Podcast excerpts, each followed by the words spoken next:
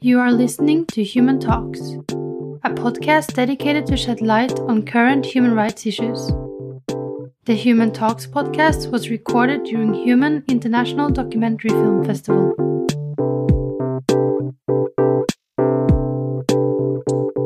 Hjertelig velkommen til eh, denne samtalen om et uh, litt lite hyggelig tema.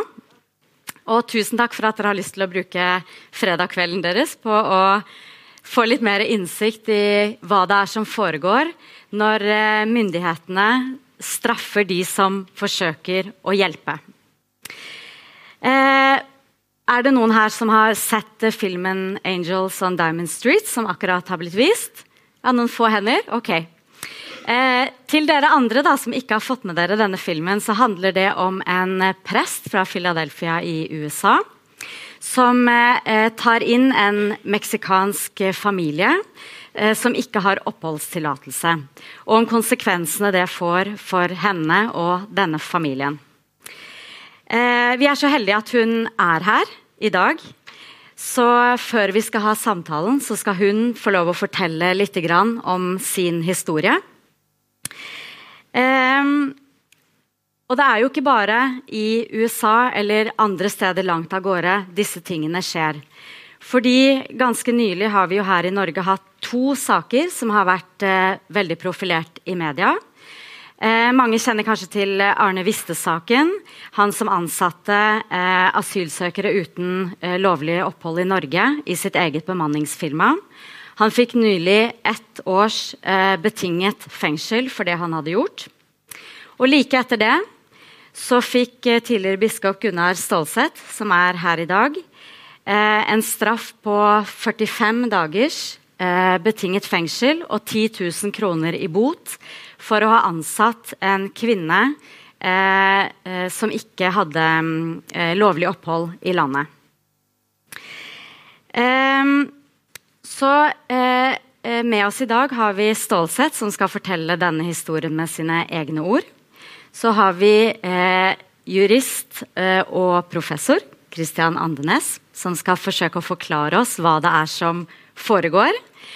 Og så har vi presidenten i Leger uten grenser, eh, eh, Karine Nordstrand, som skal fortelle hvordan på en litt annen måte internasjonale organisasjoner blir forhindret i å gjøre arbeidet sitt eh, gjennom bl.a. bruk av antiterrorlovgivning. Men aller først uh, I want to give the word to Renee McKenzie, who's here visiting us from the United States. She is the protagonist of the movie Angels on Diamond Street. Uh, and Renee, I've just told the uh, audience a little bit about the movie. So please take the stage and tell us your story.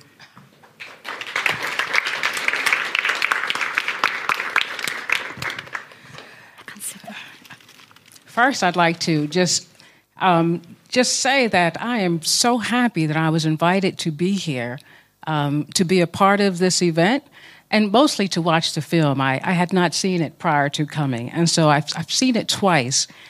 Um, and I have to say that um, the film director and the producer did an excellent job in telling the truth about who the Church of the Advocate is.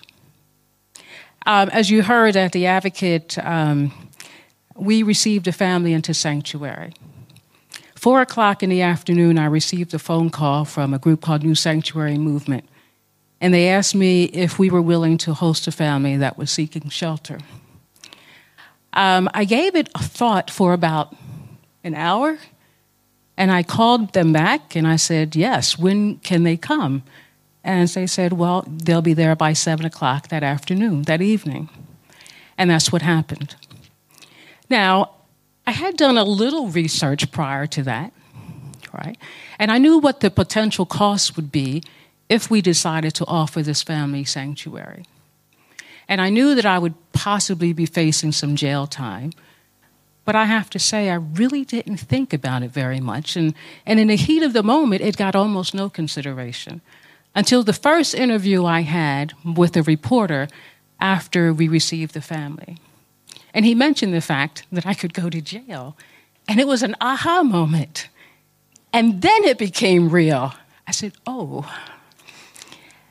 And I thought, I said, well, if I had really thought about it, would I have made the same decision? If I, if I took seriously the threat of, of my being punished because we wanted to help a family, um, would I have come up with another decision? Would I have said, no, you can't come? And I realized that my answer was no. There was no way I could have reached another conclusion. Um, our receiving them into sanctuary, um, for me, it was a moral statement, right? It was a statement of resistance. It was a statement that I was not going to receive their power, and that their power, they may have power over me, but they can't control me? Justice is too important. Human rights are too important. And if I don't stand up, then how can I expect anyone else to stand up? And I don't think that was just me speaking as a leader, but I think it's important that it was me speaking as a leader in that context. But it was a personal statement that I would do that. It's never an easy choice to be a helper. It's not an easy choice because we know that our personal freedom is at stake. And, uh, but it's a choice I believe that we're called to do. Um, that it is the best thing in the interest of society. In the long run, it is in our best interest. What is that statement? That none of us are free until all of us are free. None of us are home until all of us are at home. And that, that's what it was. And so, for, for those people who are, are helping, people who are willing to set aside their personal freedom and their comfort on the behalf of someone else, it doesn't necessarily feel like a huge sacrifice, but it is. But it's a sacrifice I believe that I have to take, and I cannot speak for anybody else. I cannot speak for anybody else. But it's, it's impossible for me to imagine or for me to, to know that Carmela's four children, who are between the ages of 7 and 15, it was impossible for me to think that these children would be forced to go home and face death and continue trauma or forced to live in sanctuary in this country.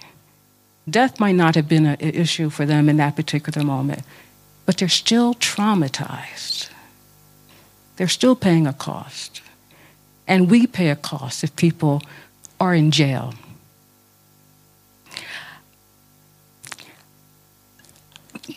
I think that when we do that, when we give ourselves to other people, that we're not just freeing them, we're also freeing ourselves, right? Because we're recognizing that the human spirit, the human spirit is precious and it's real. One of my favorite um, people from history is a woman named Anna Julia Hayward, Hayward Cooper.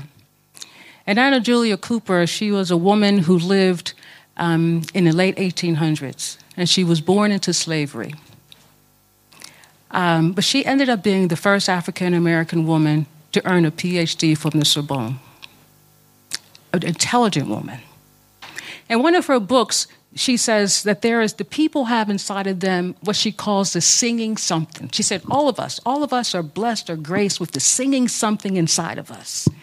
And she said that singing something is what reminds us when we are facing personal injustice. It's that singing something that raises its head and said, No, there's something wrong. I think that singing something also starts chirping or chiming within us when we witness that in other people. The loss of freedom, someone trying to rob you of yourself and your individuality and your justice. And as Julia Hayward Cooper said, We have that singing something. And that's what I hold on to. Because that singing something for me is a connection to God. Now, not everybody may see it that way. You may, if for you, it may be a connection to a higher power, a spirit, or maybe a connection to the trees, or I have no idea, but there is something inside of us that demands freedom and justice. And there's something inside of us that pays a price when we don't give it to other people. It's singing something. Thank you for allowing me to just share a moment and for welcoming into this space. Thank you.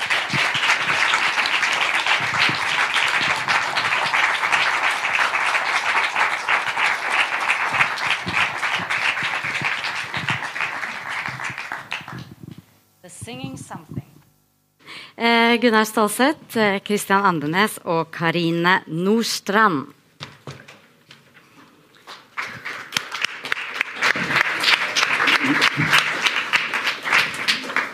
Jeg var så langt borte fra dere. Sånn. Bare kom nærmere det. Kom nærmere, kom nærmere. Ja, jeg syns eh, det var litt uh, ukoselig. Ja, eh, det er veldig fint. Eh, det er jo noe av det fineste med Human-festivalen, det at vi har så mange internasjonale gjester. Eh, og det å få det perspektivet fra andre land også syns jeg er eh, viktig. Selv om nå skal samtalen handle mest om eh, vårt eget land. Vi begynner med Gunnar Stålseth. Nå er det jo sikkert mange her i salen som har fulgt med på den saken før jul, men jeg syns likevel, når vi har deg her, at det er fint å høre deg fortelle litt med dine egne ord hva det var du gjorde, eh, kort, og konsekvensene det fikk for deg. Fordi nå er du jo ikke bare tidligere biskop, du er også kriminell. Eh, og det er jo kanskje en ny identitet for deg. Og det er fint å høre litt hva du tenker rundt det. Tidligere biskop, men ikke tidligere kriminell. det var fint med den oppvarmingen, og det er flott å være her i Vega-senteret. Og det er fantastisk å komme på en fredag kveld og se så mange engasjert i et tema som berører oss alle uansett livssyn, uansett personlig erfaring. Eh, noe som vi ønsker å vokse i. Og det vi hørte av uh, vår gjest fra USA, er noe av dette som er med og inspirerer globalt. Og jeg var veldig glad for nettopp det, at hun eh, åpnet denne seansen. Og jeg er veldig glad for at Leger uten grenser er med, fordi dette som samler oss i kveld, det er et globalt, allmenn, menneskelig eh, utfordring. Et fenomen som beskriver historien i dag. Eh, jeg er, verken, jeg er verken helt eller offer i denne fortellingen. Jeg er en vanlig samfunnsborger, som vi alle er. Eh, og det er ut ifra det jeg har eh, håndtert eh, denne saken så langt jeg har kunnet gjøre det. kort Lula. Dette er når de skrev i avisene Stålsett-saken, så sa han nei, det er Lula-saken. Og Lula er blitt ansiktet for 2000-3000 uh, ureturnerbare, papirløse, statsløse. Mange forskjellige definisjoner, men alle i den samme situasjonen. At de kan beskrives som rettsløse, som mennesker som egentlig ikke har noe håp for morgendagen, og som ikke har noen lang historie å se frem til og som har en smertelig historie å se tilbake til. Det er de som er ofrene i denne historien, og blant dem er det også noen helter. Vi er utfordret, jeg kjente meg utfordret etter hvert til å gå inn både i den moralske, den politiske og den juridiske siden av dette. Og de tre ordene de beskriver det medmenneskelige ansvar som vi alle har. Lula Tekle har i år vært flyktning i 30 år. 20 av disse årene i Norge. Kommer fra Eritrea. Eritrea er et land hvor som FN og alle internasjonale organisasjoner har sagt ingen kan tvangsreturneres til Eritrea. De vil bli utsatt for tortur, for fengsling, i alle fall ikke for frihet. Eh, behandlingen av hennes sak begynte i 2001 i, UNE, i UDI og UNE, og hun fikk avslag på asylsøknaden. Men den gangen var det slik at mens saken enda gikk, så hadde man skattekort, og man hadde et nummer, et personnummer. Så hun kunne fungere i samfunnet. Og da jeg møtte henne i 2003, så var hun vaskehjelp i bispedømmets kontorer på St. Halvards plass samtidig som hun hadde en deltidsjobb i Oslo kommune. Eh, og eh, Ja, det var de to stedene hun hadde da. Eh, og hun ba om å få snakke med biskopen fordi hun presenterte seg som en eritreisk, eller en kristen som tilhørte den eritreisk-ortodokse kirke. Og til meg sa han ganske enkelt det er min identitet, og jeg venter å bli tatt på alvor i denne kirken som jeg nå er kommet til. Det var en fantastisk utfordring å få, eh, som jo naturligvis eh, gikk rett til hjertet, men som også kjentes som et, en appell til handling. Eh, så hun fikk eh, en liten jobb eh, hjemme hos oss i, i Blindenveien.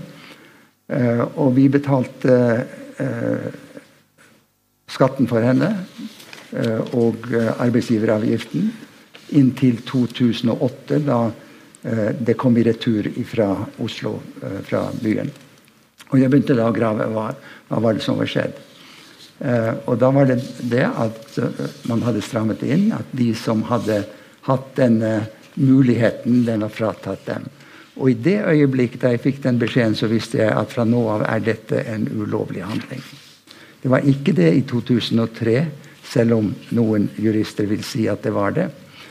Men iallfall så var det allment akseptert at de kunne arbeide. Men fra 2008 så ble dette da endret. Det kom en lovendring som trådte i kraft i 2010, og den ble skjerpet i 2011. Og Da måtte jeg ta stilling til eh, Skal jeg sende henne ut i dette vakuum, i dette mørket, eh, uten Hun hadde ikke fast bosted, hun bodde hos venner. Eh, uten den gang ordnet helsehjelp. Eh, uten bankkort for å Altså ta imot uh, lønn og hva det måtte være. Uh, eller skulle jeg kjenne meg forpliktet på hennes appell som medmenneske og si at koste hva det koste vil, uh, jeg vil ta meg av hennes sak. Jeg kunne valgt å bare betale det beløpet som vi ga henne per måned, og så gjøre husarbeidet sjøl. Men det var én sak som var veldig viktig for meg, og som har stor politisk betydning, tror jeg. Det er dette at om jeg hadde sagt Lula, du kan ikke arbeide, men du skal få penger, så ville jeg tatt fra henne det siste element av verdighet som hun opplevde. Hun var ikke her for å tigge. Hun var glad for å betale skatt for det, hadde, det lille hun hadde tjent. Og det å ta fra henne, henne arbeidet, det var å krenke hennes verdighet på det aller dypeste. Og Derfor så bestemte jeg meg for at nei, vi skal ha henne i arbeid, og så får det komme det som komme vil. Og historien kjenner dere. Eh, hun eh, lot seg intervjue en dag sent på høsten i fjor. Og da jeg så intervjuet med henne på første side i Vårt Land, så tenkte jeg at nå går vi inn i en ny fase. Og jeg lurte på vet hun hva hun har, eh, hva hun har begitt seg inn på. Og jeg, Vi hadde en samtale om det, og hun forsto da rekkevidden eh, i noen grad av det. Men min egen beslutning da var å, å si ålreit, nå har hun trådt fram i offentligheten. Da er det min plikt å stå ved hennes side i det offentlige rom. Det betød ikke at det har vært hemmelighetskremmeri inntil da. Jeg har tatt denne sak opp med UDI, med UNE, to advokater, Utenriksdepartementet, NOAS osv. Jeg hadde aldri lagt skjul på at vi hadde en uh, ureturnerbar, papirløs, i arbeid. Men jeg hadde naturligvis ikke gått ut og, og uh, fortalt journalister om det, eller bedt om at de skulle intervjue henne, for da ville hun uh, neste dag risikere å være på Trandum. Og For å gjøre en lang historie kort, i en av samtalene med UDI så, så sa jeg beskrevet situasjonen, så sa jeg hva er deres svar på det.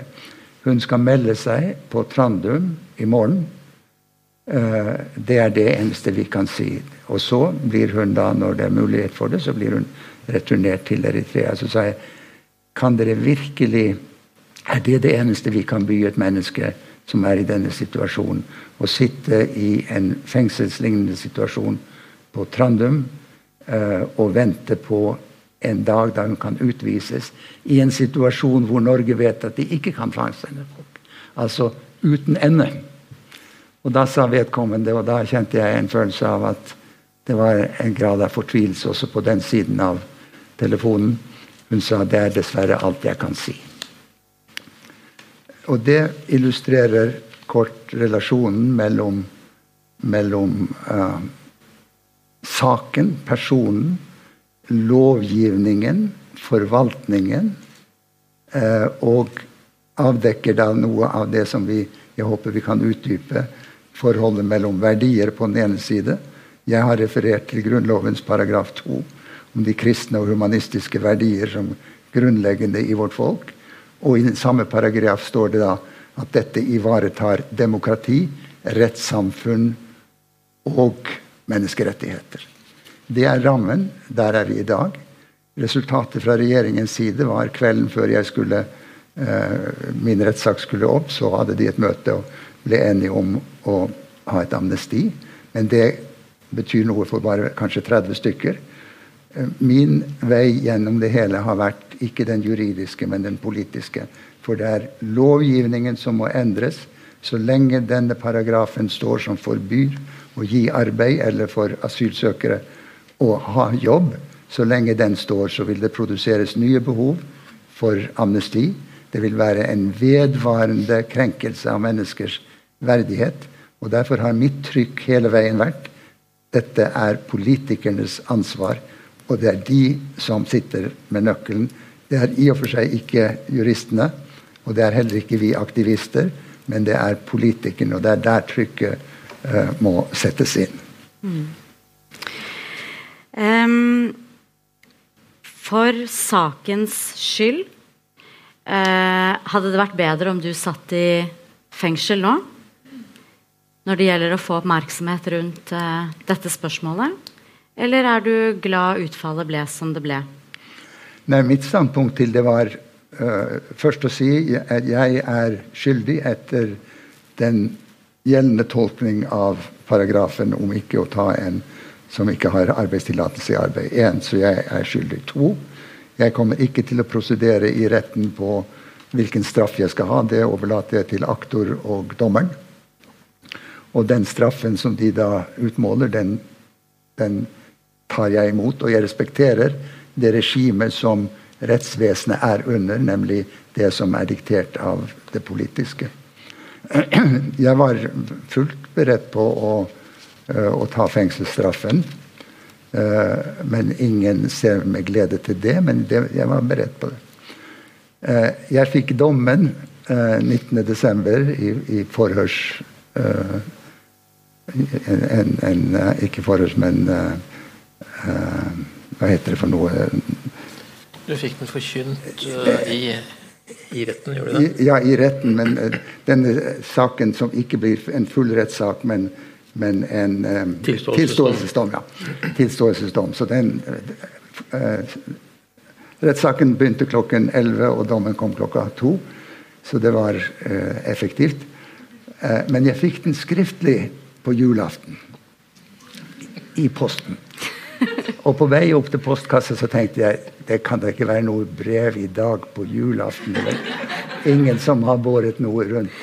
Så jeg liksom gikk der og humret med meg selv, og så åpnet jeg, og der var det da eh, dommen. Og så, så, tenkte jeg den passer på en dag når vi skal høre budskapet om at det ikke er rom i herberget. Ja. God jul til Gunnar Stålseth. Kristian eh, Andenes. Eh, før vi skal trekke litt større linjer. Hvorfor sitter ikke Stålsett i fengsel nå? Har det noe med hans eh, status eh, og kjendisposisjon og at han til og med er prest, at det var vanskelig? Eller eh, hadde det vært det samme utfallet hvis det hadde vært en annen, en utenlandsk mann som ingen kjente til, som hadde gjort det samme? Ja, dette er spørsmål som det er vanskelig å svare på. Men det at både Viste og Stålsett har fått betingede dommer, det tyder på at domstolene ikke liker å måtte behandle det de blir tvunget til å behandle. Og at det er en viss sånn skamfølelse fra domstolenes side når de utmåler en betinget dom som når det gjelder eh, lovlydige mennesker, så er jo en betinget dom det er bare et slag i løse lufta. Mm. For jeg regner med at Stålsett ikke kommer til å gjøre noe brudd på vilkårene i den prøvetiden han har fått, eh, som fører til at han vil ende i fengsel. Jeg skal holde meg de to år som jeg er ute på prøve.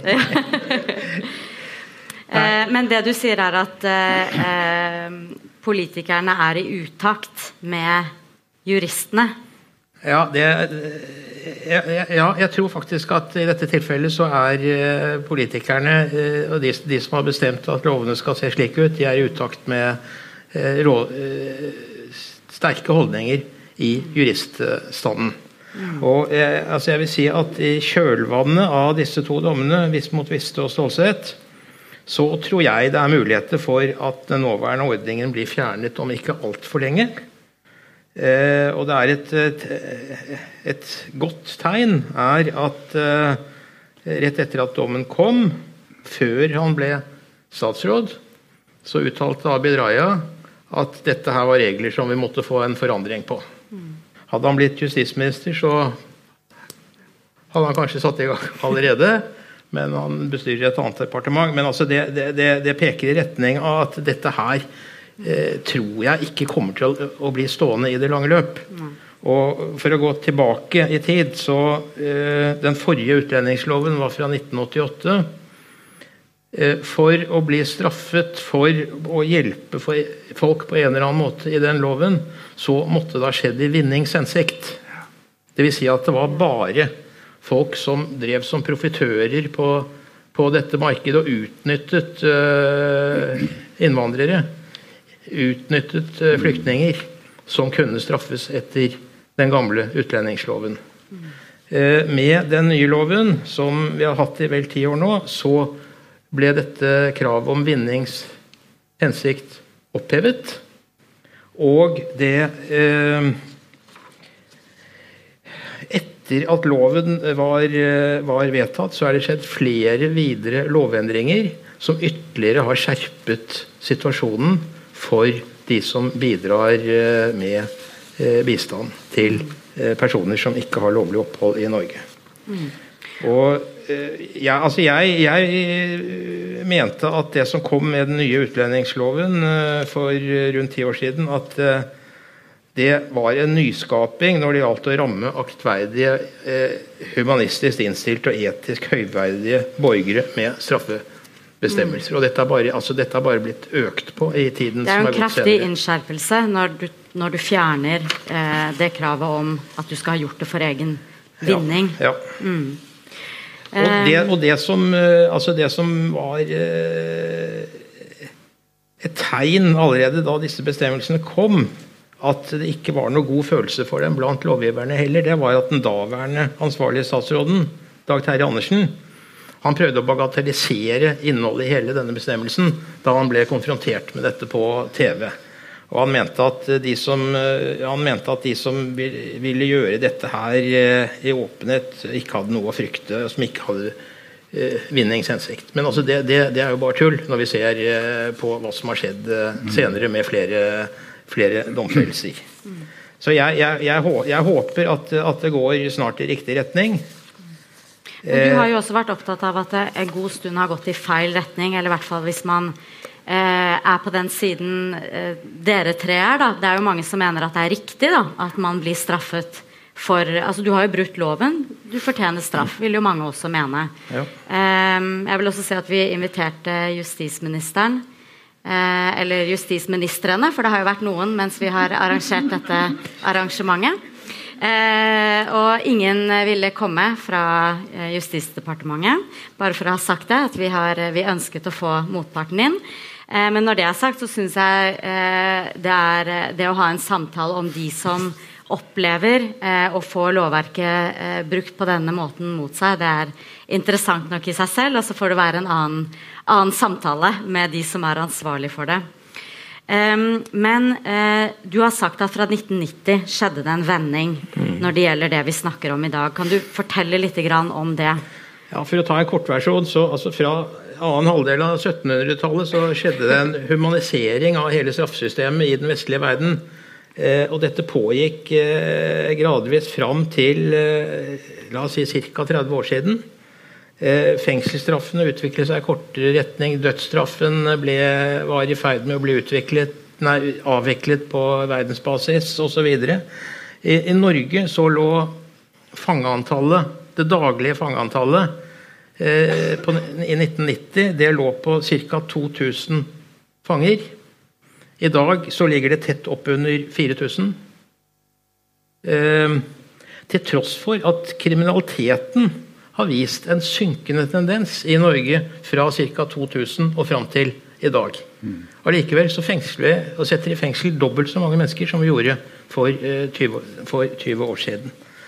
Eh, og dette her vi, har fått strengere straffer på mange områder. Eh, nye grupper er blitt utsatt for eh, å bli straffet for eh, handlinger som vi på en eller annen måte ikke liker. Det er blitt mye mer ukritisk bruk av straff som virkemiddel overfor handlinger som vi ikke liker. I stedet for å spørre seg om vi ikke har andre effektive virkemidler for å, bli, for å få folk til å oppføre seg bedre, så har myndighetene vært raskere og raskere ute med å foreslå straffer og å putte folk i fengsel. Og etter min mening folk eh, i relativt stor utstrekning folk som ikke har noe som helst i et fengsel å gjøre. Nei, hvis man først skal straffe folk for uh, å gjøre ting av denne typen her som man ikke liker, så er det i hvert fall andre reaksjoner enn fengselsstraff som er ufattelig mye bedre. Eksempel, vi vi har det som heter samfunnsstraff, hvor man kan uh, dømme folk til å gjøre samfunnsnyttig arbeid i en periode. Og Det er ufattelig mye bedre enn å putte et uh, menneske som aldri kommer til å gjøre noe gærent om igjen, inn i fengsel.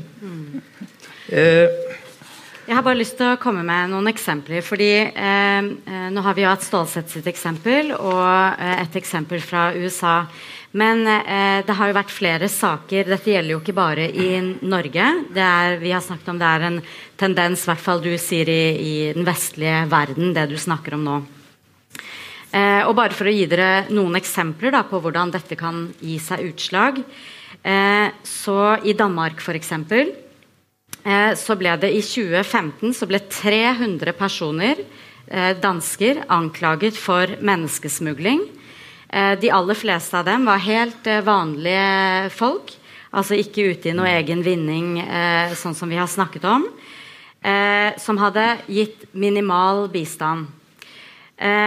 og nå skal jeg lese fra lappen min, men det mest kjente eksempelet omfattet den tidligere danske barneombudet Eh, og hennes ektemann. Eh, og det de hadde gjort, var å ha kjørt en syrisk barnefamilie til togstasjonen i Kastrup. Og på togstasjonen har gitt dem kaffe og kanelboller før de satte seg på toget. De hadde til og med ringt politiet først for å forsikre seg om at det var lov, det de gjorde. Men for dette fikk de begge en bot på 25 000 danske kroner. Dette var bare ett eksempel av disse 300 da, som ble anklaget for det samme. Eh, og her hjemme i Norge, kanskje noen husker denne saken, Eirik Nilsen ble satt på glattcelle og fikk 5000 kroner i bot for å ha kjørt en flyktningfamilie gjennom sprengkulda eh, på eh, Storskog. Eh, han ble frikjent, eh, men likevel, han, det var rett på glattcelle eh, etter å ha bare kjørt dem et, noen kilometer i bil. Så det er Det skjer. Eh, kanskje ting vi tenker på, skjer mer andre steder. Foregår her òg. Um, du har også noen andre eksempler på eh, hjelpere eh, som eh, i hvert fall kan frykte straff. Vi snakket litt om de som har gitt helsehjelp til papirløse Eh, her i Oslo. Eh, kan du si litt om eh, Det kan vel du si litt om etterpå også. Men ja. altså, det, det, det, var, det, var, jo et område hvor det var veldig vanskelig å få på plass en ordning. Fordi at det var, det var frykt for at, at det ville føre til at folk som oppsøkte denne helsehjelpen, kunne bli tatt av politiet. Og myndighetene var negative til det hele og mente at dette var et ulovlig tiltak. Eh, men etter, eh, etter, noen års eh, arbeid med organisasjoner og personer involvert i forhold til myndighetene, så er det jo nå da kommet på plass en ordning med helsehjelp eh, til de såkalte illegale. Eh, hvor de, hvor de kan få vanlig helsehjelp eh, uten å frykte noe. Så, så her har Men da de utviklet seg fra det, fra men da det de startet opp, så var det de gjorde ulovlig. Ja, og det, altså det er, altså Man kan kanskje si at det er ulovlig, men myndighetene har også en vid adgang til å bruke regler, eller la være å bruke regler. Og Det er jo veldig mye regler og ting som er ulovlige som ikke blir brukt i det hele tatt, for man syns ikke det er viktig nok. Ja. Men hva de bruker reglene på, det sier noe om hvilke prioriteringer som foregår i ethvert samfunn. Og det, altså dette her eh, utvikler seg i en god retning pga. stor innsats fra eh, mange, mange parter. Eh, men problemene oppstår jo i neste omgang når det er mer avanserte former for helsehjelp som det er nødvendig. Hvor det ikke er overhodet noe apparat på plass eh, pga. finansieringsordninger og hva reglene sier om hvem som har rett til behandling.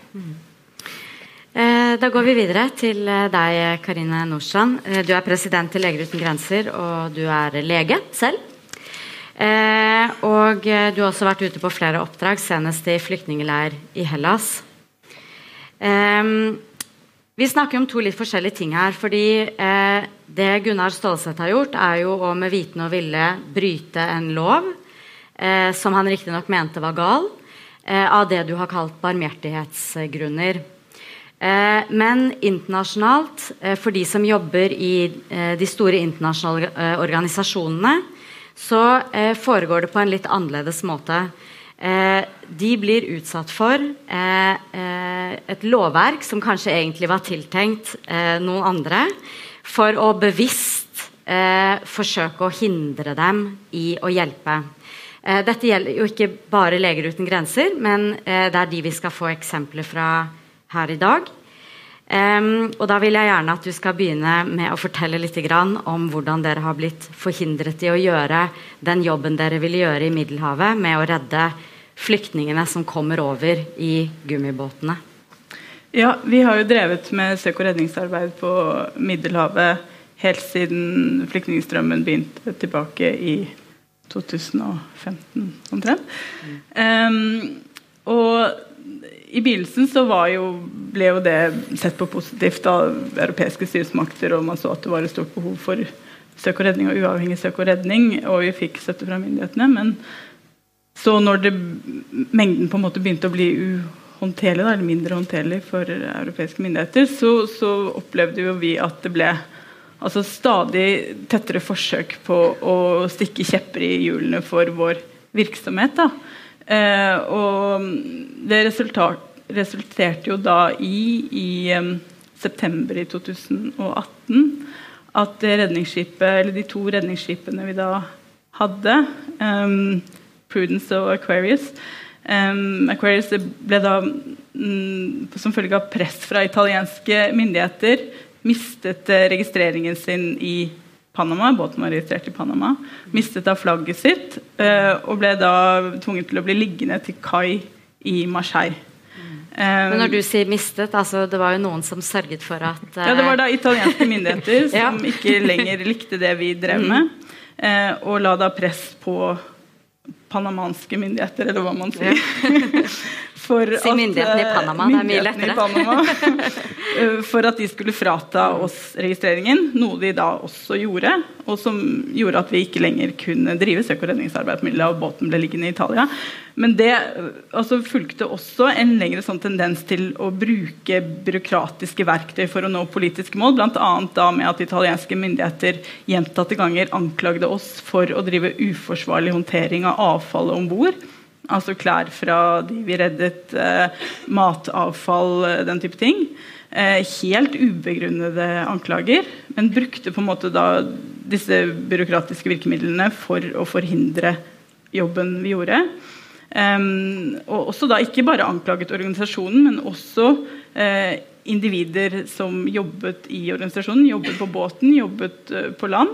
Eh, og sperret bankkontoene deres, eh, anholdt dem og anklaget dem. Dem, Stilte dem personlig ansvarlig for altså, disse her bruddene på eh, F.eks. anklaget om brudd på avfallshåndteringsregelverket i Italia. Så det resulterte jo da til slutt i at vi måtte avslutte virksomheten vår på Middelhavet i desember. På grunn av dårlig søppelhåndtering?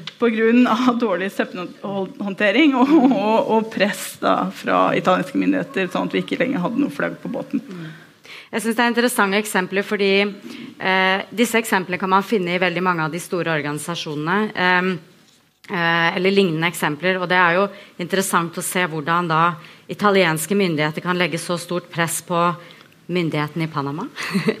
Eh, på den måten at de faktisk eh, fratar dere flagget, så dere må eh, legge til kai. da. Ja. Eh, og dette med bankkontoer også har jeg hørt om i, i flere organisasjoner. At eh, det blir f.eks. vanskelig å ansette folk. Fordi de som du ansetter da, i din organisasjon, blir nektet å eh, ta opp lån i en bank, altså privat, da, eller åpne bankkonto. Eh, og da blir det plutselig et veldig stort offer, da, for selv om du har lyst til å jobbe som minerydder eller Leger uten grenser eller i, hva som helst, så blir jo det til slutt helt umulig når hverdagslige ting, da, som f.eks. å ha et huslån eller ha et bankkort, blir eh, hindret. Eh, jeg har lyst til å lese et eksempel også. I USA og EU Eh, har innført en egen lov som sier at de kan straffeforfølge organisasjoner som forhandler adgang med terroristgrupper eller leverer hjelp i områder kontrollert av terrorister. Dette har skapt absurde situasjoner. Da tsunamien traff Asia i 2004, kom store hjelpesendinger aldri frem til områdene nord i Sri Lanka fordi de var kontrollert av LTTE. En definisjon som er eh, definert som terrorister av USA. I frykt for å bli straffeforfulgt når de kom kom hjem så ville ikke hjelpearbeiderne levere eh, maten de var sendt dit for å, å, dele ut. Og Det samme skjedde i Somalia i 2009. USA ble sittende på nødhjelp til en verdi av over 50 millioner dollar, men uten hjelpearbeidere som kunne distribuere hjelpen fordi området var kontrollert av terroristgruppen Al Shabaab. Så dette er bare, dette, dette, skjer mange steder, og det er bare eksempler som viser hvordan man kan bruke lovverk eh, som kanskje er vanskelig å forstå da, eh, for, for eh, folk flest, til og med innad i organisasjoner, eh, for å forhindre dem i noe så eh, enkelt og så vanskelig som å dele ut hjelp som allerede er på plass. Som blir da liggende i store eh, lagre. Um, Kanskje du, eh, Karine, kan si litt om eh, altså, hvordan, hvordan, gjør dette deres arbeid eh, vanskeligere? Hva, hvordan håndterer dere det som organisasjon, f.eks. det som skjedde med de to skipene? Nei, altså Nå har vi jo heldigvis da kunnet starte opp igjen søk- og redningsarbeid på Middelhavet siden i sommer. Vi har nå fått et, eh, driver nå med et norskregistrert skip. Og da med et håp om at norske myndigheter kanskje er litt bedre på, på en måte å, skille administrasjon eller byråkrati fra det politiske. Altså at Sjøfartsdirektoratet ikke Unnskyld.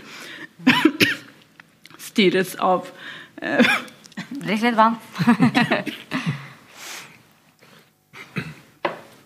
ikke styres av politiske prioriteringer på samme måte som man ser i andre land. Norge er også et land med en stolt sjøfartstradisjon. Så kanskje ikke um, ja, Kanskje man respekterer havretten mer enn det man ville gjort andre steder.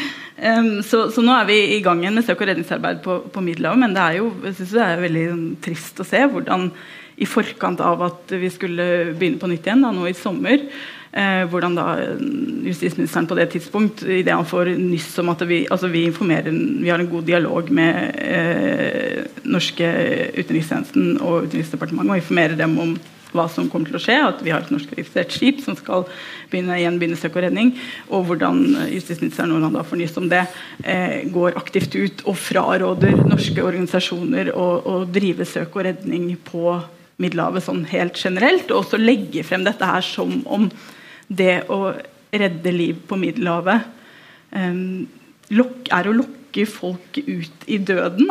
I drukningsdøden, og at det eneste moralsk riktige å gjøre i dette tilfellet, er å, å på en måte vende blikket bort og ikke være der og redde de som er i ferd med å synke, for det vil bare eh, lokke enda flere ut i døden. Og at det på en måte blir et sånt fremstilt som et sånt moralsk høyverdig og humanitært standpunkt, er på en måte helt absurd. da. Og bare for å binde ja. dere på, siden det er litt vanskelig å holde styr på justisministrene, det var da Gøran Kalmyr. Ja. ja. Um, men det tenkte jeg vi kunne bare diskutere litt uh, på slutten. Dette med retorikken rundt det.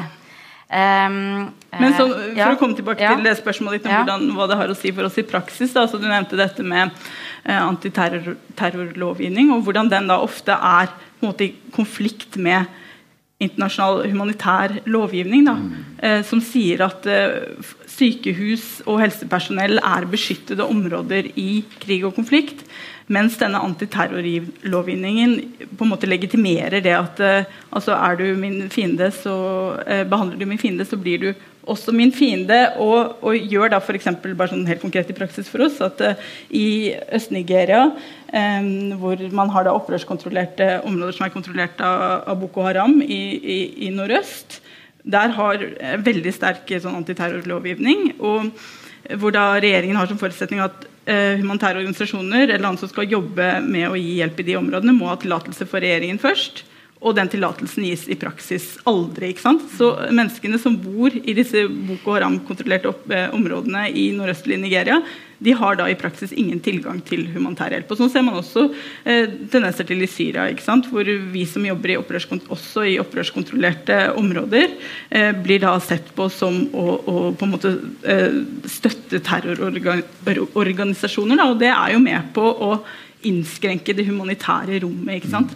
Og vi som er en uavhengig, nøytral organisasjon, vi står jo på en måte mye friere til å kunne faktisk eh, hjelpe på begge sider av en konflikt, mens andre organisasjoner som er avhengig av statlig støtte, de gjør ikke det på samme måte. ikke sant? Så ser vi at det blir langt færre aktører som er i stand til å agere effektivt i eh, humanitære kriser. da.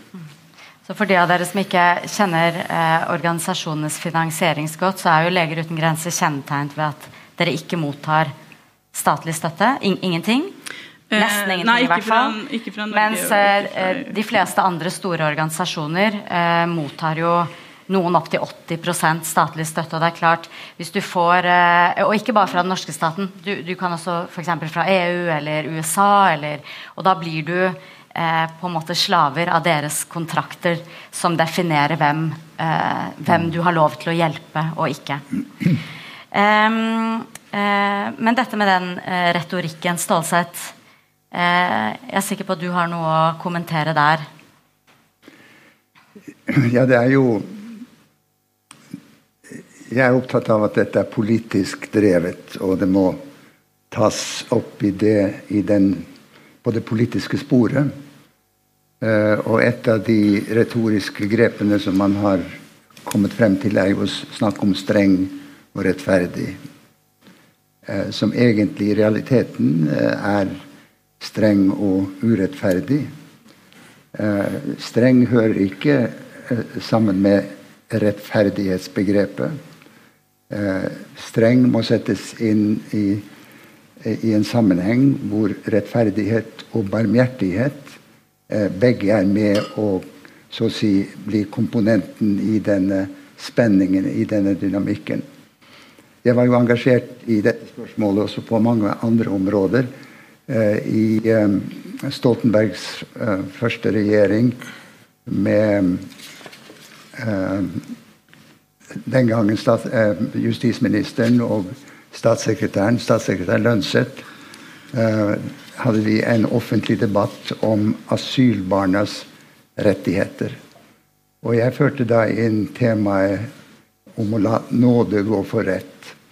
Eh, og, og, det ble da besvart som om det er et totalt eh, uintelligent, nærmest. Jeg fikk et innlegg om Stålsets uh, bruk av nådebegrepet hører ikke hjemme i denne sammenhengen osv. Men vi har jo tross alt også både i det politiske og det juridiske snakker vi om benådning.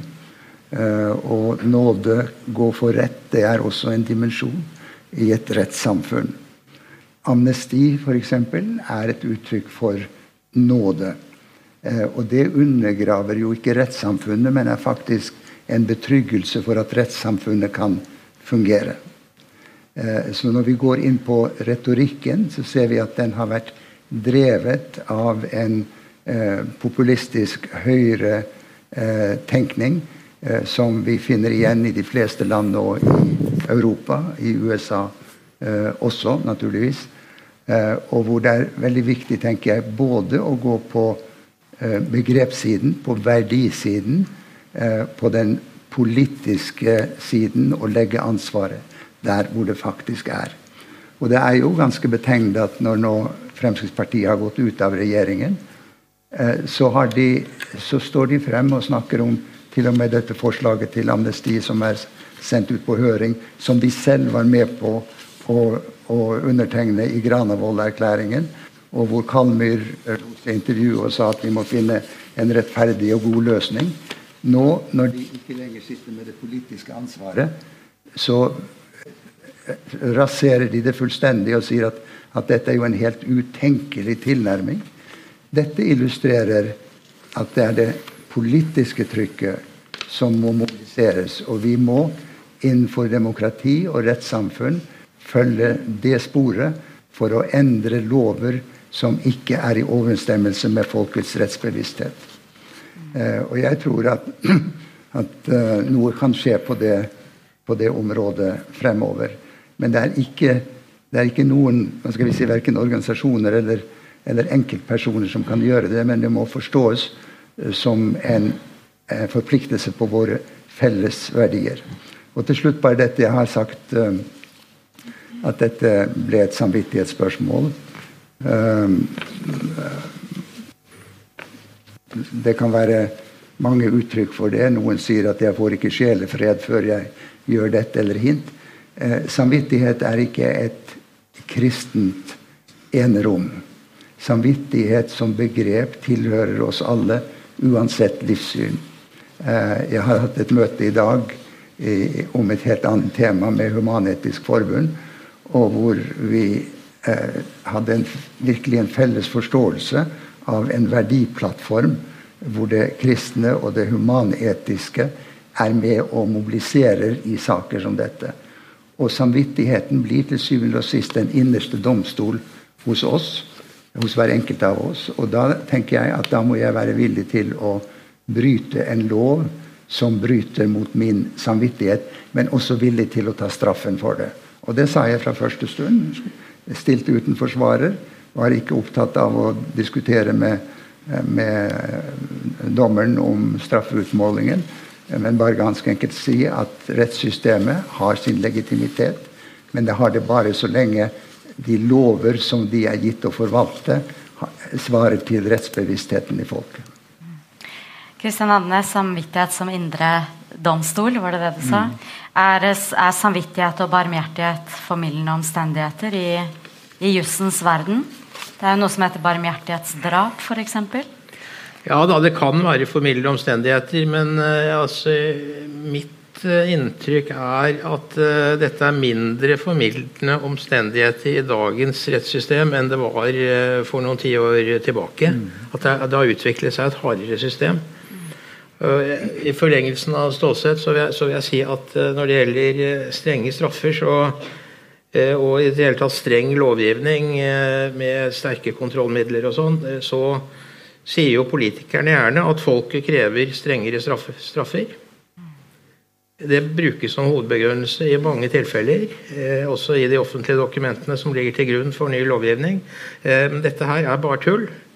Eh, det er meget solid eh, forskning eh, i de nordiske land. Et koordinert, stort forskningsprosjekt eh, som dokumenterte nokså likeartede resultater i de nordiske landene. At når folk blir konfrontert med det reelle straffenivået og ikke det de tror ut fra å lese aviser.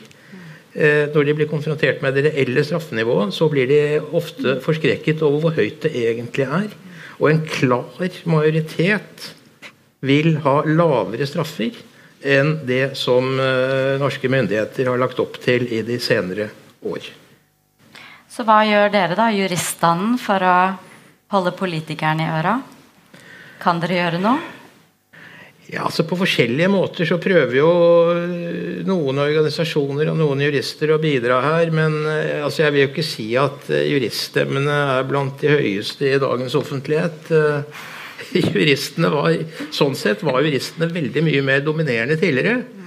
Og var aktive deltakere i samfunnsdebatten. Jeg vil si at den juridiske standen i Norge har veldig langt på vei trukket seg tilbake. Men hvor har dere blitt av? Og, driver med Bør dere ikke dukke opp igjen? Jo, det er jo noen som gjør det, da. Eh, og, altså, eh, og et, av, et, altså, et, et, av, elementene her det er jo at det er blitt en veldig mye tydeligere sammensmelting mellom juss og politikk enn det var tidligere. Og, Hva er grunnen til det? Hvorfor er det blitt sånn? Det er, altså, det, det, dette er også blant de svært vanskelige spørsmålene å svare på. Eh, men det er, altså, ting går i bølger.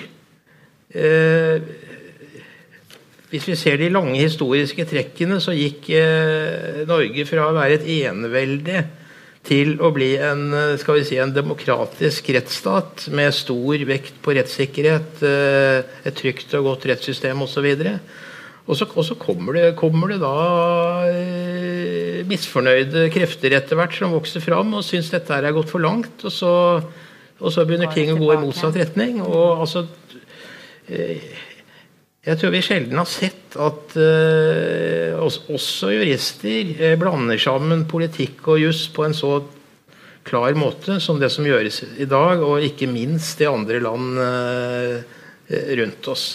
Jeg har lyst til å avslutte med den, det som Noe av det som Stålsett opplevde med Han hadde en aktor som heter Andreas eh, Mek eh, Bentsen, som eh, som nå viser seg vil bli ny leder i Oslo Frp. Han var en meget ivrig aktor i ja. saken mot deg, har jeg inntrykk av. Ja. Full av hevngjerrighet og lyst til å få deg straffet. Og Han sa i intervjuet med Dagsavisen for noen dager siden eh, i forbindelse med at det ble kjent at han vil bli leder i Oslo Frp, så sa han mine hjertesaker er kriminalitetsbekjempelse og en rettferdig, men streng innvandringspolitikk. Og jeg ser at det er store behov for forbedring i integreringspolitikken, og at Oslo Frp skal bli i stand til å ta ut et stort potensial som ligger der ubrukt. Her er det ingen motsetning mellom jobb og politisk aktivitet på fritid, mellom juss og politikk. Det syns jeg var en veldig bra avslutning. Eh, vi har tid til litt spørsmål fra salen, hvis det er eh, interesse. Jeg håper det. Eh, har vi en mikrofon? Eh, ja. Eh, er det noen som vil starte showet? Ja. Hei. Uh, først vil jeg bare takke for en veldig fin panelsamtale. Jeg heter Henrik. Jeg er forsker på frivillighet i humanitære kriser. Av, frivillige da, frivillige hjelpearbeidere i Hellas. Jeg sendte faktisk e-post til dere før dette eventet. To stykker. men du sier at de bruker antiterrorrådgivning som holder store organisasjoner ute. Jeg forsker på frivillighet, så det er de små organisasjonene. Og etter dette eventet så er det en filmvisning av Salam Aldin han er en veldig god bekjent av meg, og jeg jobbet sammen med han i Hellas i 2015. Han har blitt arrestert to ganger for å drive med humanitært arbeid. Første gangen var i 2016, hvor han, at jeg, har, jeg har intervjuet han da, for studien min, og jeg har fått lov til å si at jeg tar bort anonymiteten, anonymiteten hans og omtale med navn. da. Og Da dro han ut for å drive med search and rescue, som det heter. og Ta en båt ut fra nordøstkysten i Hellas ut for å redde en, en båt som gikk ned. Og Han har eh, sagt at han hadde Eh, barn på telefonen som skrek, og kvinner som skrek, og eh, menn som skrek. Og der var det ingen hjelper, der var det ingen gresk kystvakt. De kom først når Salam kontaktet dem. Når de kom inn til havnen igjen, så ble han arrestert. Og Han ble også frikjønnet. Det var en veldig eh, internasjonalt kjent sak. Men nå ble han også arrestert igjen rett før jul. Og da har han blitt an som, anerkjent som en eh, offentlig trussel i Hellas. Så han kan ikke dra tilbake igjen. Der han har jobbet nå de siste fire-fem årene. Og han er da eh, uten tiltale eller uten eh, anklage så har han nektet tilgangsreise igjen i Hellas. Og som jeg har funnet da, så er ikke han alene i det her. For det er vel rundt i Europa, som utover disse 300 danskene, så er det vel 158 tilfeller av mennesker som er offentlig anklaget eller etterforsket for å drive med humanitært arbeid i Europa. Og eh, For å ta et, et, eksempel fra fastlandet i Hellas også. Der har vi eh, tre stykker som ble arrestert oppe i Idomeni rett når grensen mellom Idomeni i Hellas og Makedonia ble stengt nå i 2016. Og eh, Da de, gjorde de den samme runden som de hadde gjort mange ganger før. Og ble arrestert eh, Plutselig tok eh, fra intervjuene mine så tok de bilen og tok noen walkietalkier de hadde, som alle frivillige bruker da, for å snakke sammen i felt. Vi har jobbet i felt selv, som jeg vet. vet her. Og eh, Etter fem minutter kom politikvinnen tilbake til eh, bilen, og da hadde hun funnet politifrekvensen på radioen. Så eh, Basert på det så ble de, eh, ble de tiltalt for internasjonal e-spionasje. Blant annet. Og I politirapporten så står det at de hadde mansjete, og det sier også min eh, informant at det er lommekniven hennes, som hun fikk da hun var syv år av bestemor, som de brukte til å åpne eh, bokser da, i arbeidet. Så Det er vel et, eh, det er et sånt klassisk ikke-spørsmål for å bare legge til eh, det panelet har sagt om at dette skjer ikke bare med store organisasjoner og eh, i Norge. Det skjer også med frivillige, som gjør en veldig stor innsats i Hellas. Da. Veldig bra. Dette er det altså eventet, filmen uh, 'Humanity on Trial'. Den okay. går klokken ni i sal to. Riktig. Ja. Flere spørsmål? Eh, dette til Andenes. altså Når man uh, fikk opp dette at papirløse flyktninger ikke skulle få legehjelp, så gikk jo legeorganisasjonene veldig kraftig inn for at man måtte dette. Det sto i deres ed at man skulle hjelpe et, og dermed så fikk man på plass denne muligheten. Men hva med juriststanden? Hvorfor lar de seg nå bruke for det er jo det de gjør i forhold til politikerne. Og det skal jo være en uavhengig dømmende makt. Ja, jeg, Gudskjelov så slipper jeg å stå til ansvar for hva den norske juriststanden foretar seg. Jeg har Hele mitt yrkesaktive liv har jeg stått litt på siden og vært en kritiker av mye av det som har skjedd i norske domstoler, og ikke minst i norsk eh, forvaltning. Um, men altså, som, jeg, som, jeg, sa, så er det altfor liten aktivitet fra jurister sin side eh, når det gjelder å gripe fatt i de store problemene som i høyeste grad eh, eh berører eh, jussen og rettssystemet i våre dager. Og det, eh, det er trist. og eh, Kanskje man kan si det er på grensen til det, til det skammelige. Eh, men det skjer litt, det skjer litt innimellom. Eh, det er enkelte initiativer, og det, er, eh, det, skjer, det, skjer, noen ting. Det er en gruppe som i den senere tid bl.a. har tatt opp forholdet for palestinerne i forhold til, til Israel og menneskerettighetsbrudd der. Og satte i gang en større, større aksjon på det, på det, grunnlaget, som blir sånn gradvis rullet ut nå.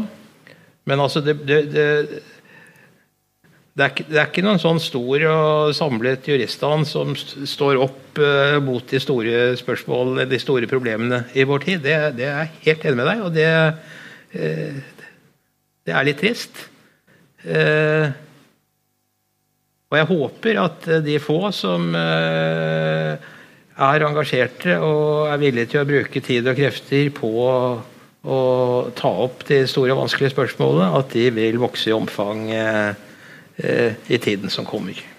Karina, du hadde ja, en kommentar? Nei, jeg hadde bare lyst til å, å kommentere det. Og, og altså hvor, hvor, viktig det er da, at nettopp uh, organisasjoner eller uh, yrkesgrupper som, som, juristene, men også legene, engasjerer seg, og kraften i det. Og altså, ja, Du nevnte at Legeforeningen har tatt et tydelig standpunkt uh, med tanke på helsehjelp til papirløse. men men eh, både Legeforeningen, og Sykepleierforeningen og Psykologforeningen lanserte jo et sånt opprop for et år siden også blant norske helsearbeidere for å synliggjøre det at vi er fremdeles i en forferdelig etisk skvis når det gjelder tilbud til helsetjenester for papirløse, all den tid vi bare har eh, altså de bare har rett til akutt nødvendig helsehjelp. Livreddende helsehjelp. All annen helsehjelp har de ikke rett til, og de har heller ikke rett til å få den hjelpen finansiert. Eh, og det går jo helt på tvers av våre etiske retningslinjer. ikke sant? Så Det var et sånt opprop som ble lansert blant norske helsearbeidere for et år siden. Og, og jeg må jo si jeg savner jo virkelig der også å se et skikkelig stort brennende engasjement rundt dette. her sånn. Det var ikke så innmari mange som signerte det oppropet, og som, som, på en måte gidder å bry seg og stå opp for andre. da. Eh, og også, altså Man kunne jo se for seg at eh, Juristforeningen også hadde engasjert seg på samme, under samme tema, uten at de gjorde det. Men sånn som, altså, sånn som uh, du da, Gunnar Stålseth, som, så virkelig liksom holder den fanen høyt. Vi trenger flere sånne, og det er det jeg savner litt. Vi kan ikke liksom overlate hele den offentlige diskusjonen til influenserne. Veldig bra. Bare en, en setning til. Ja. altså, eh, Norge er jo et eh, nokså dorskt og selvtilfreds samfunn. Og det jeg tror jeg eh, har en nokså sånn kvelende effekt på de kritiske røstene. Eh, altså Vi har sett i veldig mange tilfeller at eh, i land hvor det virkelig er store problemer, så har også juristene vært en viktig faktor i eh, det revolusjonære eller kritiske arbeidet som har foregått. De koser seg forbi nede på Aker Brygge der, mener du? Ja, det er noen sånne koseklubber der nede. Altså. Men må si vi eh, Unnskyld, unnskyld eh, Gunnar Stansen først, og så deg til slutt. Nei, bare en an anekdote til slutt. Jeg jobbet i Genéve i ti år. Og vi hadde konferanser på et hotell som ikke var så veldig oppdatert på språk, så der sto det et oppslag i resepsjonen Please leave your values at the front desk.